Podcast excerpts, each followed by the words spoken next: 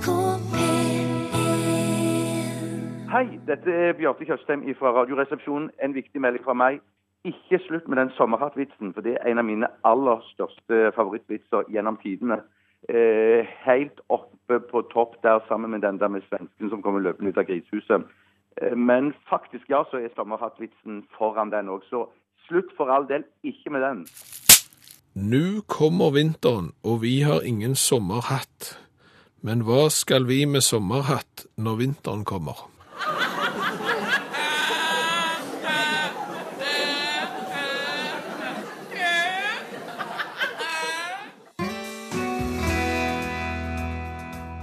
Hvordan går det med førsteklassingen, Skjæveland? Han sover vel?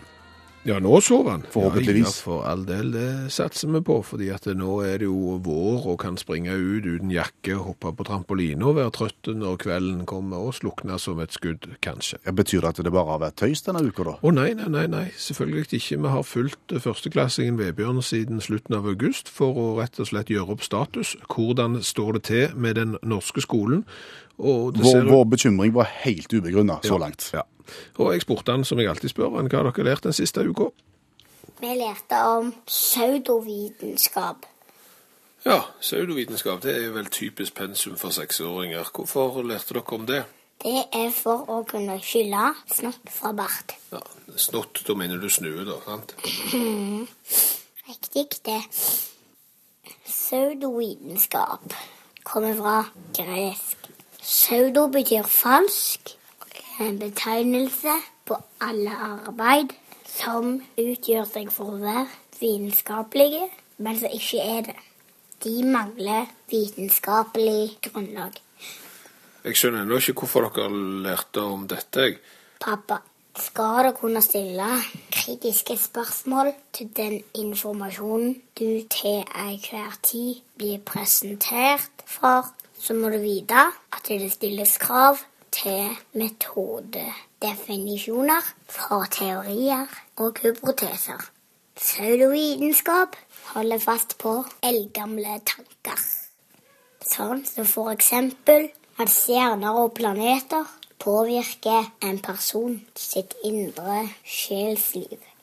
Og at visse typer alternativ medisin ordner alt fra kreft til håravfall.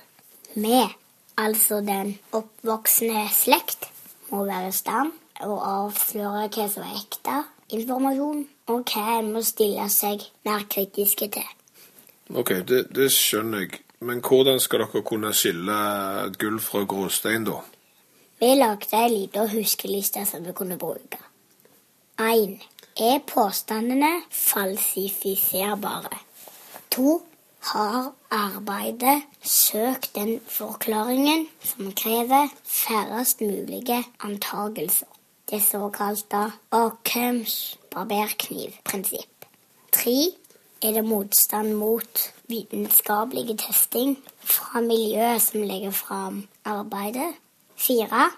Er det selektiv bruk av bevismateriale? Overdriven vekt på individuelle vitnemål. Og til slutt fem, Er det feilaktig eller misvisende bruk av vitenskapelig sjargong? Med å sjekke informasjonen opp mot disse punktene som jeg har fortalt deg om, så burde vi være i stand til å sjekke om det er vitenskapelig informasjon eller humbug vi har med å gjøre. Alt dere lærer, og alt dere kan. Har det vært ei grei uke?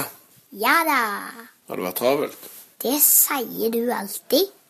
Men forresten så er det ikke travelt.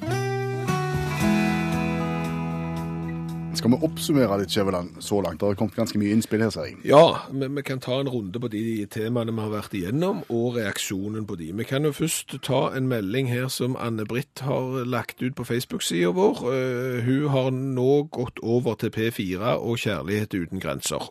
Hun har vært trofast mot oss lenge, men kom da hjem fra storbandøvelse, som hun alltid gjør på mandag. Og når vi da i starten av programmet sjikanerer saksofonen som instrument, så rant det over for Anne-Britt. Hun skifter kanal. Ja, vi spilte Foreigner Urgent, som har en heftig saksofonsolo, og vi mente jo hardnakka at den saksofonsoloen hadde vært mye bedre med strømgitar. Eh, Og nå er konklusjonen at Anne-Britt har gått over til kjærlighet uten eh, grenser. Vi ber om unnskyldning, Anne-Britt, og håper at du revurderer den beslutningen der. Det er selvfølgelig ikke det verste i verden. En Nei, nei, nei, altså, nei sol, sologitar, sånn bråkete elgitar, er, er mye verre, og uff, nei, det skulle tatt seg ut. Så vi, vi beklager å legge oss langflate der, altså. Så gikk vi videre til den berømte hattevitsen, da. Den som vi starter programmet med, og som vi har starta programmet med i et halvt års tid. Den er omstridt, men vi har fått mye støtte i det siste. Og nå fra eh, en som Tine kjenner. Ja, Tine skriver 'Mitt barns far'. Da er det forbi X-stadiet òg, da. Mitt barns far. Har et repertoar på fem vitser som han har underholdt med siden 1986. Og det er helt uten å la seg distrahere av Tine sine innstikk om at eh, jeg har hørt de før, eh, faktisk noen ganger, eh, faktisk i noen år. Ja, og, og en av disse fem er faktisk hattevitsen. Ja, det viser seg bare det. Altså, den blir mer og mer tidløs. Han står som en bauta blant alle andre vitser, den, den vitsen der. Og når vi først er inne på, eh, på vitser, så har vi fått tilsendt en kransekakevits fra gamle dager. Fra gamle dager. Ja, skal jeg lese den? Ja. Så kan folk være i stand sjøl til å bedømme om dette er god humor eller ei. Det var brunetten og blondinen som er på byen for å kose seg. Og når de kommer ut fra en butikk, så ser de en mann på den andre sida av gata med en stor bukett. Brunetten sier 'Å, gud, nå har han kjøpt blomster til meg'. Blondina sier 'Liker du ikke blomster?' Jo, men når han kjøper blomster, så har han sånne forventninger, og jeg har ikke tenkt å ligge på rygg i helga med beina i været. Blondina tenker seg om, så spør hun, har du ikke vase?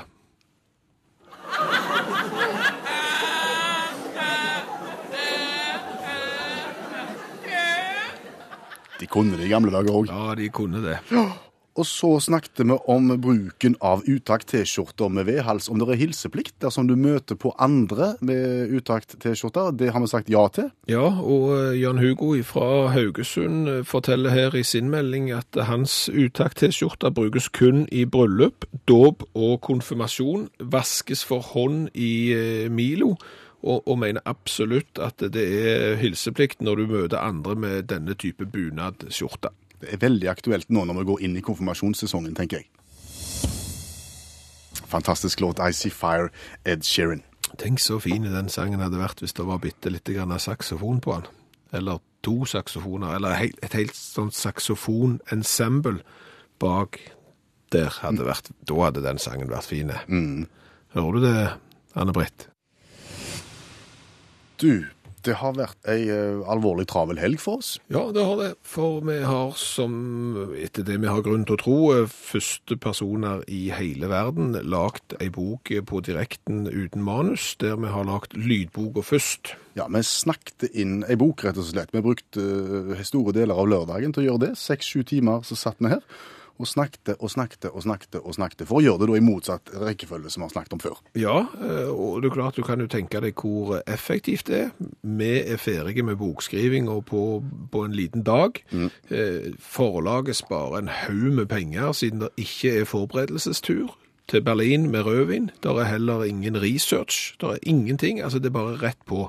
Det, det er så besparende som bokskriving kan bli. Ja, og vi har jo gjort vår jobb. Den som har jobben nå, er jo vår venn allmennlæreren Olav Hove. For han har da fått seks-sju timer opptak av eh, snakk som han skal skrive av og ut. Som blir til ei vanlig forriktig bok. Ja, svart på hvitt papir, og jeg er sjeleglad jeg ikke har den jobben. Det må være stress. Det, etter det vi har grunn til å tro, så er det en svær jobb. Hvordan ser du på det, Hove? Fortsatt ser jeg mørkt på det, som jeg har gjort hele prosessen. Men, eh, men eh, jeg, jeg skal sette i gang nå. Tenker som så at uh, hvis jeg bare setter i gang, så er det litt for mye for meg. da. Så jeg må, uh, jeg må, jeg må gå til litteraturen og finne ut hva er best måte å skrive på. Når er du mest effektiv? Uh, Når blir det beste resultat? tenker jeg. Ja, Er det mye gode råd å hente der, tror du? Masse gode råd å hente. Em, eh, eh, hvis, vi går, hvis vi begynner helt fra begynnelsen, Demostenes, altså statsmann fra antikkens Hellas, eh, holdt mye taler, politiker da, men skrev mye taler.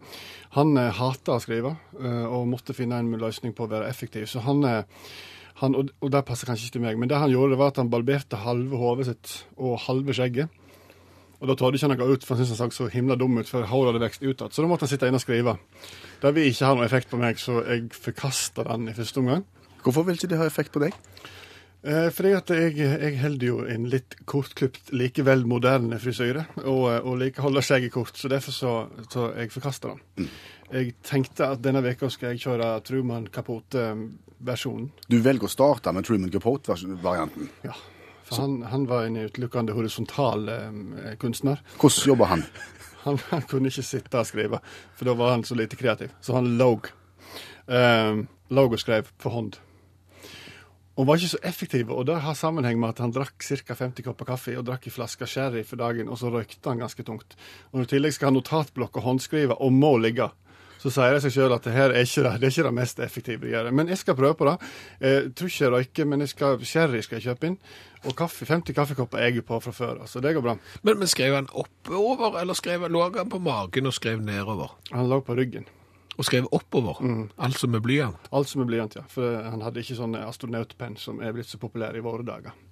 Da må du bli utrolig trøtt i hånda når du skriver oppover. En vanlig sak, vet du. Men det er klart at en flaske sherry hjelper jo mot alt. Det gjør det. Det er helt sant. Men da er du i gang. Da er jeg i gang.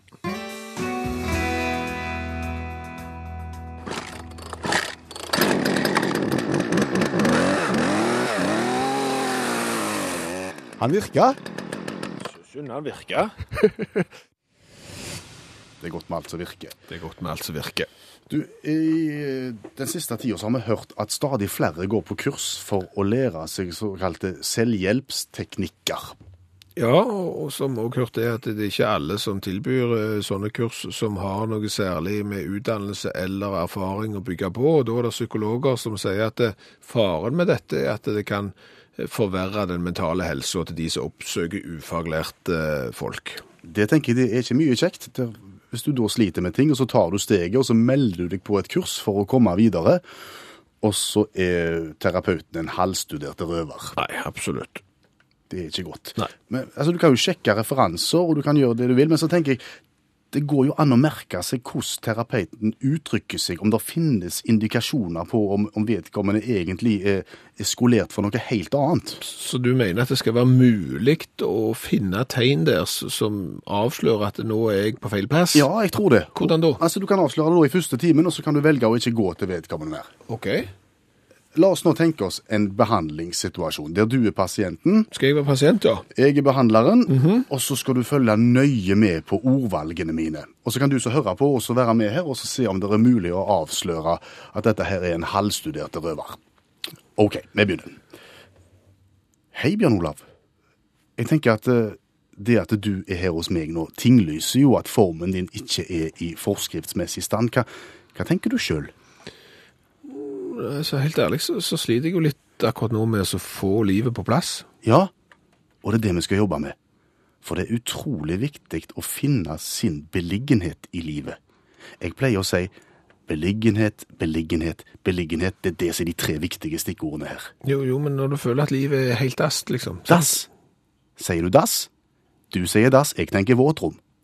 Og du, Bjørn Olav, du skal følge våtromsnormen når du skal jobbe med deg sjøl. Akkurat nå så er du et oppussingsprosjekt med stort potensial, og det er ikke unormalt. Noe oppussing må påregnes hos de aller fleste mennesker. Den utvendige kledningen din er tross alt over 40 år, og slitasje er ikke unormalt. Husk at du er fra ei tid med andre krav til komfort.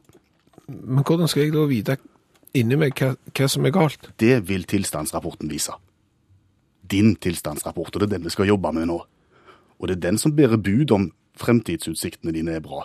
Den vil vise hva som er ditt indre boareal, for å si det sånn. Men bør jeg fortelle venner og familie at jeg sliter? Ja, det syns jeg.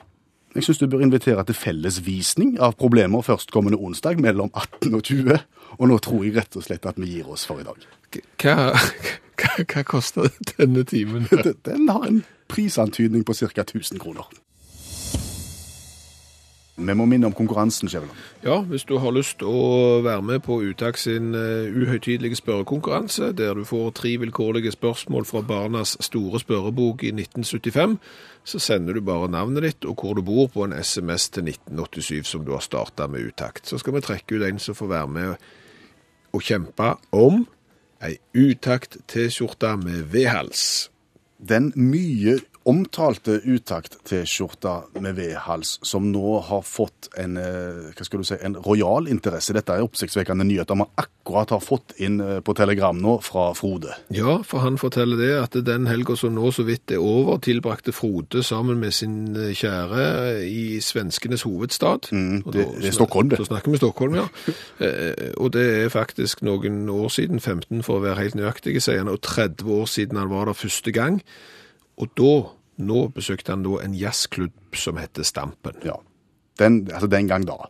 Den eksisterte ennå, selv om jazzkonseptet nå er sterkt uttynnet, som han sier. Men denne helga eh, så hadde de på sine to scener, oppe i puben og nede i kjelleren, konsert med henholdsvis Elvis og Beatles. Ja, eh, det, det ble jo da selvfølgelig en svenske Elvis, men det er jo greit. Og, og en utgave av svært unge gutter fra Liverpool, sant? så det var sånne coverband. Ja, Han fikk med seg Elvis først, og der mottok han et utall komplimenter for sin tøffe T-trøye, som de sa. Og det som nå skal sies, det er at Frode er da i Stockholm iført utakts i T-skjorte med V-hals. Ja, og så, etter å ha fått skrøyd for uh, utakt-T-skjorta opp hos Elvis, så går jo turen ned til Beatles-kloningene i etasjen unna, og der blir uh, Frode stående ved siden av en litt eldre, veldressa og bebrilla herre, som stirrer direkte misunnelig på utakt-T-skjorta til Frode. Ja, så denne mannen med briller, han står og ser og ser og ser, og klarer ikke å ta øynene av T-skjorta med V-hals.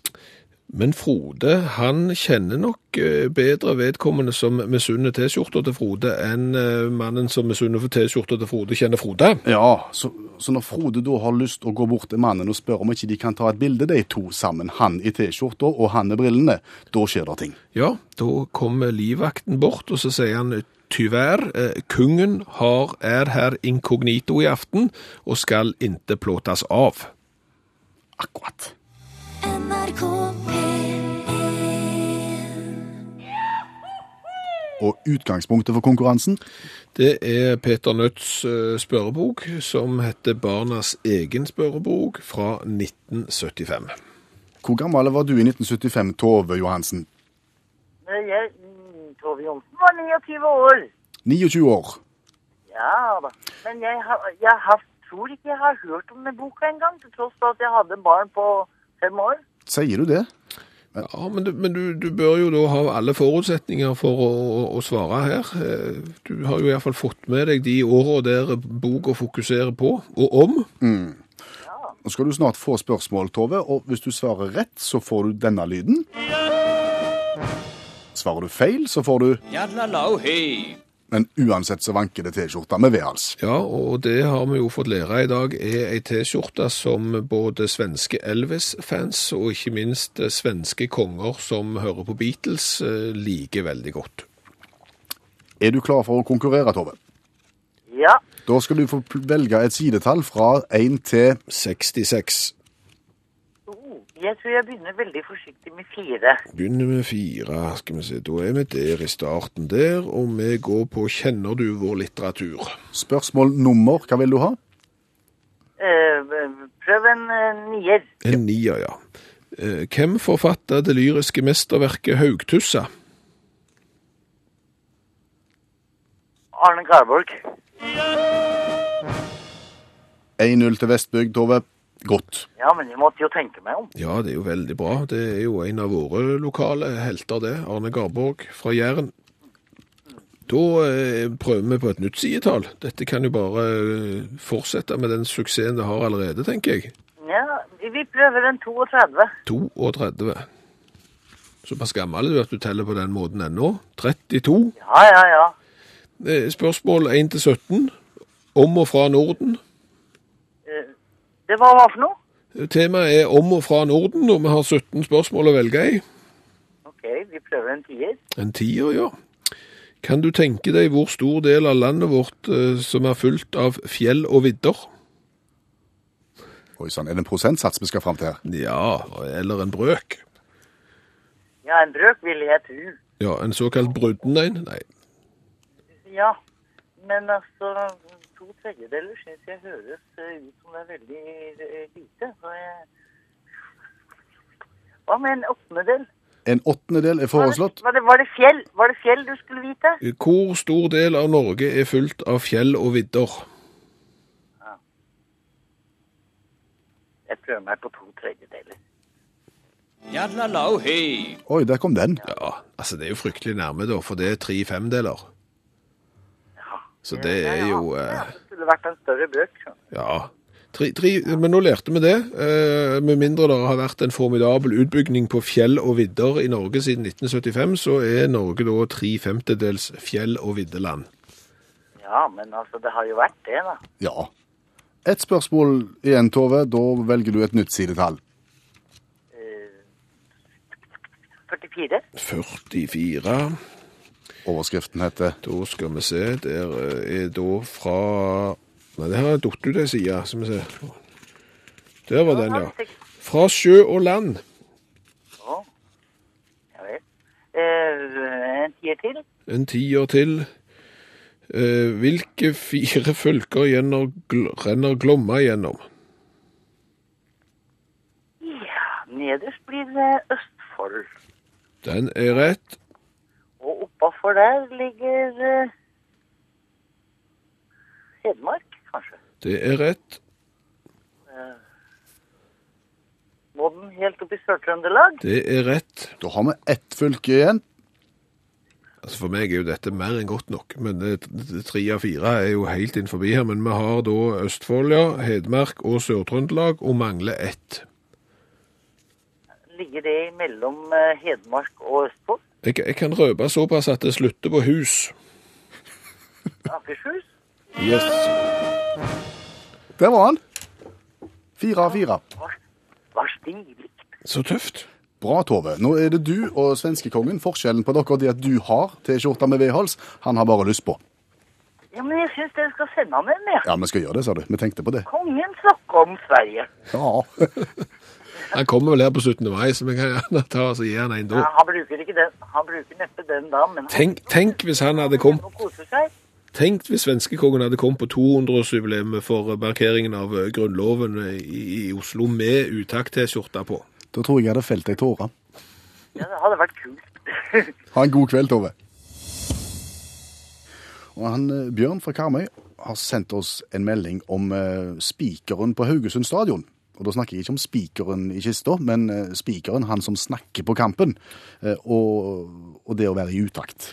Ja, når, det er klart når, når ting kommer litt bardust på, kanskje, hva vet jeg, så, så går det gjerne litt på tverke. Og ifølge Bjørn på Karmøy her, så har denne spikeren da blitt intervjua på lokalt TV i forbindelse med det at Haugesund stadion har blitt veldig rehabilitert og blitt en ny, flott stadion med nye fasiliteter. Ja, og, og ikke minst da kontoret til spikeren, der han sitter og snakker, er blitt ganske nytt, men han er ikke helt fornøyd med alt.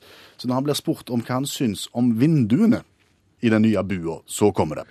Skal ikke stikke hodet under en stol, at, eh, stol for at jeg ikke er fornøyd med at vinduene ikke kan åpnes. Skal ikke stikke hodet under en stol for at jeg ikke er fornøyd med at vinduene ikke kan åpnes. Vi skjønner hva han mener. Ja, vi, vi skjønner hva han mener, men det går an å si det enklere. Ja, litt dumt at ikke de kan åpne vinduene. Ja, det er litt dumt det. Det at de er faste. Så sånn er det. Det var litt trist. Du skal ikke feie det under en stol. Nei, og det skal du ikke, altså. Du skal ikke legge hodet i bløt, for at det er litt dumt å stikke under en stol hvis du Stopp nå. Ja.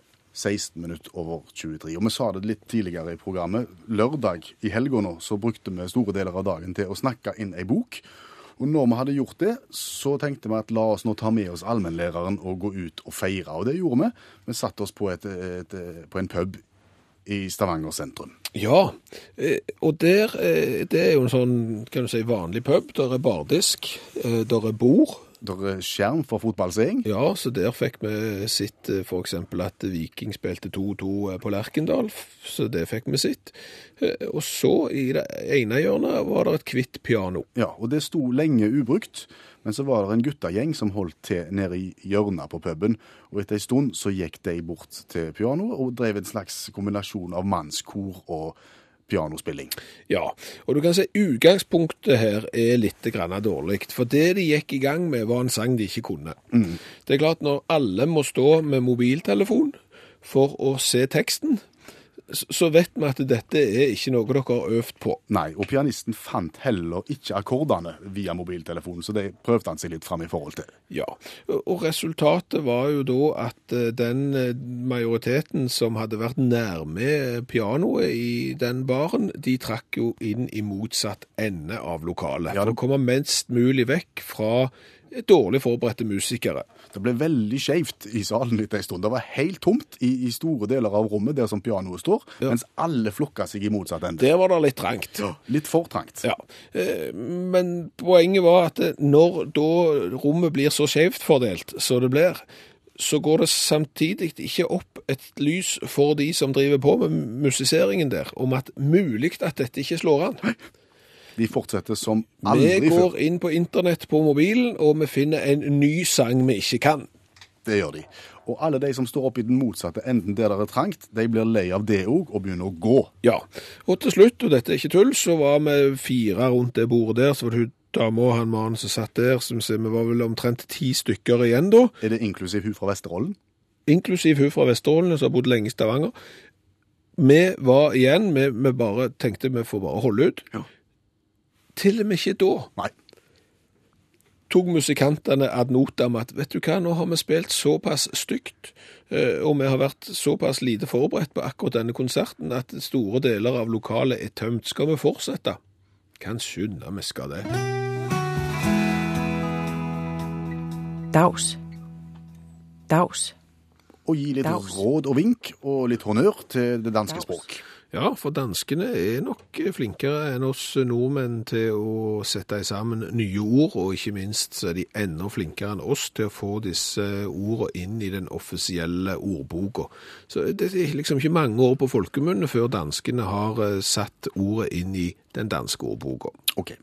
Og det er du som uh, holder styr på disse her og finner de fram, og så spiller du de av for meg, og så skal jeg forsøke å finne ut og se om danskene er så geniale som du vil ha det til. Ja. Og når vi har funnet ut hva det er, så har vi nok et ord som vi kan ta med oss når vi skal til Forup til sommeren. Ja, og ordet som jeg har funnet fram i dag er Likistesøm. Gikk litt fort, jeg tar det en gang til. Likistesøm.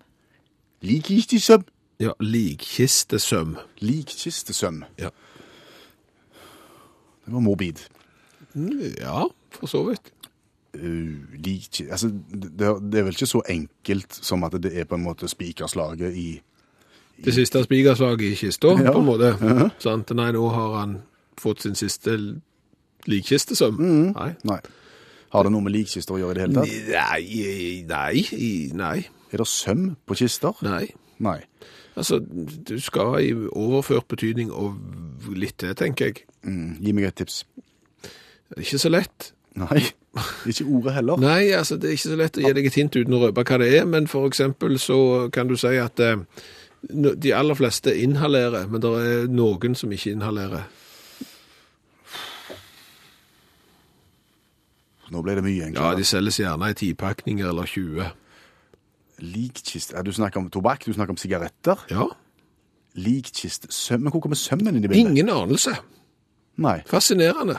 Ja, det, er jo de som kaller det for kreftpinner i Norge. Ja, ja, du er litt kan- der. Kreftpinne, en likkistesøm, en sigarett. Ja, altså det er da tobakksprodukt. Det er så fint, for, for nå leser jeg høyt fra, fra ordboka her, sant? Nå, nå skal du høre definisjonen. Likkistesøm er tobakksprodukt bestående av findelt tobakk, der er omrullet med papir til en smal sylinder. Og, også kalt sigarett, vil jeg sagt. Men, men eh, hvorfor si det lett når du kan si det vanskelig? Men det skal de ha. Likkistesøm, det er jo et eh, alle tiders ord. Ordet i dag er altså, Ligkistesøm. og det hørte du i spalten vi har valgt å kalle Daus. Paulin Voss, eventuelt Foss. Foss. Er du sikker på at det er Foss? ganske sikker på at det er Pauline Foss, og skrives V-O-S-S. Og der tror jeg bare Voss-Foss-familien må ta litt sjølkritikk, fordi at det er mye enklere å skrive et ord sånn som det uttales, for da vil folk uttale det rett. Foreldrene mine har hytta på Foss, skrives F-O-S-S. Hvis du reiser til Voss, så kan du stå på ski og kjøre kulekjøring sammen med kar i tråd. Så det er noe annet. Så ser vi, er det, hvis du vil at folk skal si Foss, så skriv det med F. Og apropos forvirring, vi kom over en nyhetsmelding her for et par dager siden, og den var ikke god å forstå. Nei, altså, jeg syns jo av det mulig meg og deg er dummere enn folk flest, og det er jo ikke usannsynlig heller, men, men det er jo sånne overskrifter som G7-landene er enige om å stenge Russland ut av G8. En gang til. G7-landene er enige om å stenge Russland ute fra G8. Det er jo en eh, sak som har versert, og, det har jo opphav i konflikten på Krimhalvøya, det er for så vidt greit. Men så er det disse G7-ene og G8-erne som er egentlig G7,5, som først var G6. Men, men G7-landene vil stenge Russland ute fra G8. Ja. Er, er det liksom en sånn kremkrets av G7, og så er det en G8 som ikke er fullt så krem? Ja, det er jo det som er jeg vet, altså, jeg vet ikke hvordan jeg skal si det, fordi at jeg måtte jo sjekke dette her. Fordi at du, du leser, Dette var sitat av en overskrift, og det blir sagt på radioen, og, og avisene skriver det som den største selvfølge, at det er G7 og G8 og alt det der greiene der. Så må vi selvfølgelig må ha eh, fullstendig kontroll på det. Noen hiver jo da med en liten forklaring, liksom G7, som er de opprinnelig syv viktigste industriland i verden. Å, da ble det mye enklere. Ja, for da snakker du om Nei, altså G7 var da ei gruppe s- som igjen syv viktige industriland i verden. Følg med. USA, Japan, Tyskland, Storbritannia, Frankrike, Italia og Canada. Det var sju. Ja, først var de G6. Hvem var ikke med da? Ja, Da var ikke Canada med. Så kom de, og så, Så kom det sju. med i, i 1975. Og så har G7 blitt til G8, men G7 eksisterer fremdeles fordi at G8 er egentlig ikke G8, det er G7,5. Og den halve er Russland, som på en måte er litt assosiert med G7, men ikke helt. Ja, altså de, Russland ble da invitert til å delta som gjest hos G7, sant? Ja. Vi i G7, det er litt så 4H, ser du, sant? Vi inviterer Russland på overnattingsbesøk, sant? Vil du komme til oss, ta med sovepose. Eh, Det skjedde da i 1997, og, og, og, og Russland har ikke vært verre fantene at de har vært med på de fleste møtene fra 2002, Eh, Så de har på en måte vært G7,5, og vært med nå til G7 bestemte at de ikke skulle få være med, så nå er de på en måte bare G7 igjen, hvis du skjønner. Ja. G8 har blitt. Og G8 skulle egentlig tatt et møte i Sotsji i juni nå, Ja. og la meg gjette, det kommer ikke til å skje. Iallfall ikke der. Nei, iallfall ikke åtte. Nei. Bare sju, men ikke der. Hvis de ikke tar De kommer sikkert, de andre. Fikk du lyst til å lese ei bok nå? Nei, ikke spesielt, men vi skal snakke om bøker, og det er allmennlærer Olav Hove som mener at eh, vi alle, vi i studio, du som hører på radioen, alle må være i stand til å tenke litt mer ut forbi boksen når det gjelder, gjelder valg av litteratur. For før du vet ordet av det, så ringer Dagens Næringsliv, og så spør de, hva har du på nattbordet? Og så sitter du der gjerne med Jo Nesbø eller Kari Fossum eller noe annet som alle andre leser, og da er det kjekt å slå til med noe som ingen andre leser. Det er så mye der ute som er interessant, og allmennlæreren vet mye om dette her. Og har i dag et forslag. Forfatter og eh, bok. Hva, hva handler det om, Olav? Bond, Simon Bond har skrevet en bok som heter 101 måter å bruke en død katt på. Ehm, skulle tro at når katten var død, så var det bare å begrave den, men hjelpe meg, altså. Det er så anvendelig at du Ja, i det hele tatt. Um, Er det eksempler på, på bruk her? ja, for, du, for eksempel hvis du, hvis du, hvis du tar livet av katten og den er litt forbanna, så klødden er ute, så kan du faktisk klistre den på, på kjøkkenveggen, og så kan du henge ganske små eh, kjøkkenutstyr i kløddene på den. For det er ganske um, Grytekluter. Dør, dørslag. Ja. Eller så kan du stoppe ut katten selvfølgelig og gjøre masse kjekke ting. Utrolig dekorativt. og er ofte en katt. Du kan, eh, du kan skremme hunder med den. Du kan eh, i det hele tatt eh, Det, det er så mye å gjøre med en katt at Simon Bond etter to år kom med en oppfølger. Altså 101 enda flere ting å bruke en død katt på. Er han illustrert, boka, eller? Illustrert så vidt, ja. Så han har totalt gitt ut 202 måter å bruke en død katt på. Ja, sære fyr. And his name was Bond. Yes. Simon. Bond. Det var noe kjent med den stemmen, Skjæveland. Ja, det er en som jeg har håndhilst på. Vet ikke om jeg har fortalt deg det. Det er han yngste til Collins, Philip. Collins. Så, men, men det som er litt interessant med den sangen her, som jo etter min forstand er en alle tiders uh, lita perle av en sang, den er ikke med på LP-en. No Jacket Required LP-en, der var ikke den med, og så eh, var det bare en sånn en B-side på en singel, men så kom jo CD-en som en vind, vet du. Og dermed var det plutselig plass til litt ekstra musikk, så heiv de med den her. Kan du tenke deg å forkaste en sånn sang? Hadde jeg lagd en sånn sang, så hadde jeg Nå har jeg gjort det. Takk for i dag. Nå vil jeg ikke mer. Gå hjem. Hei. Det er lenge siden jeg har hørt noen bruke ordet LP. Det var godt å høre igjen. Hør flere podkaster på nrk.no podkast.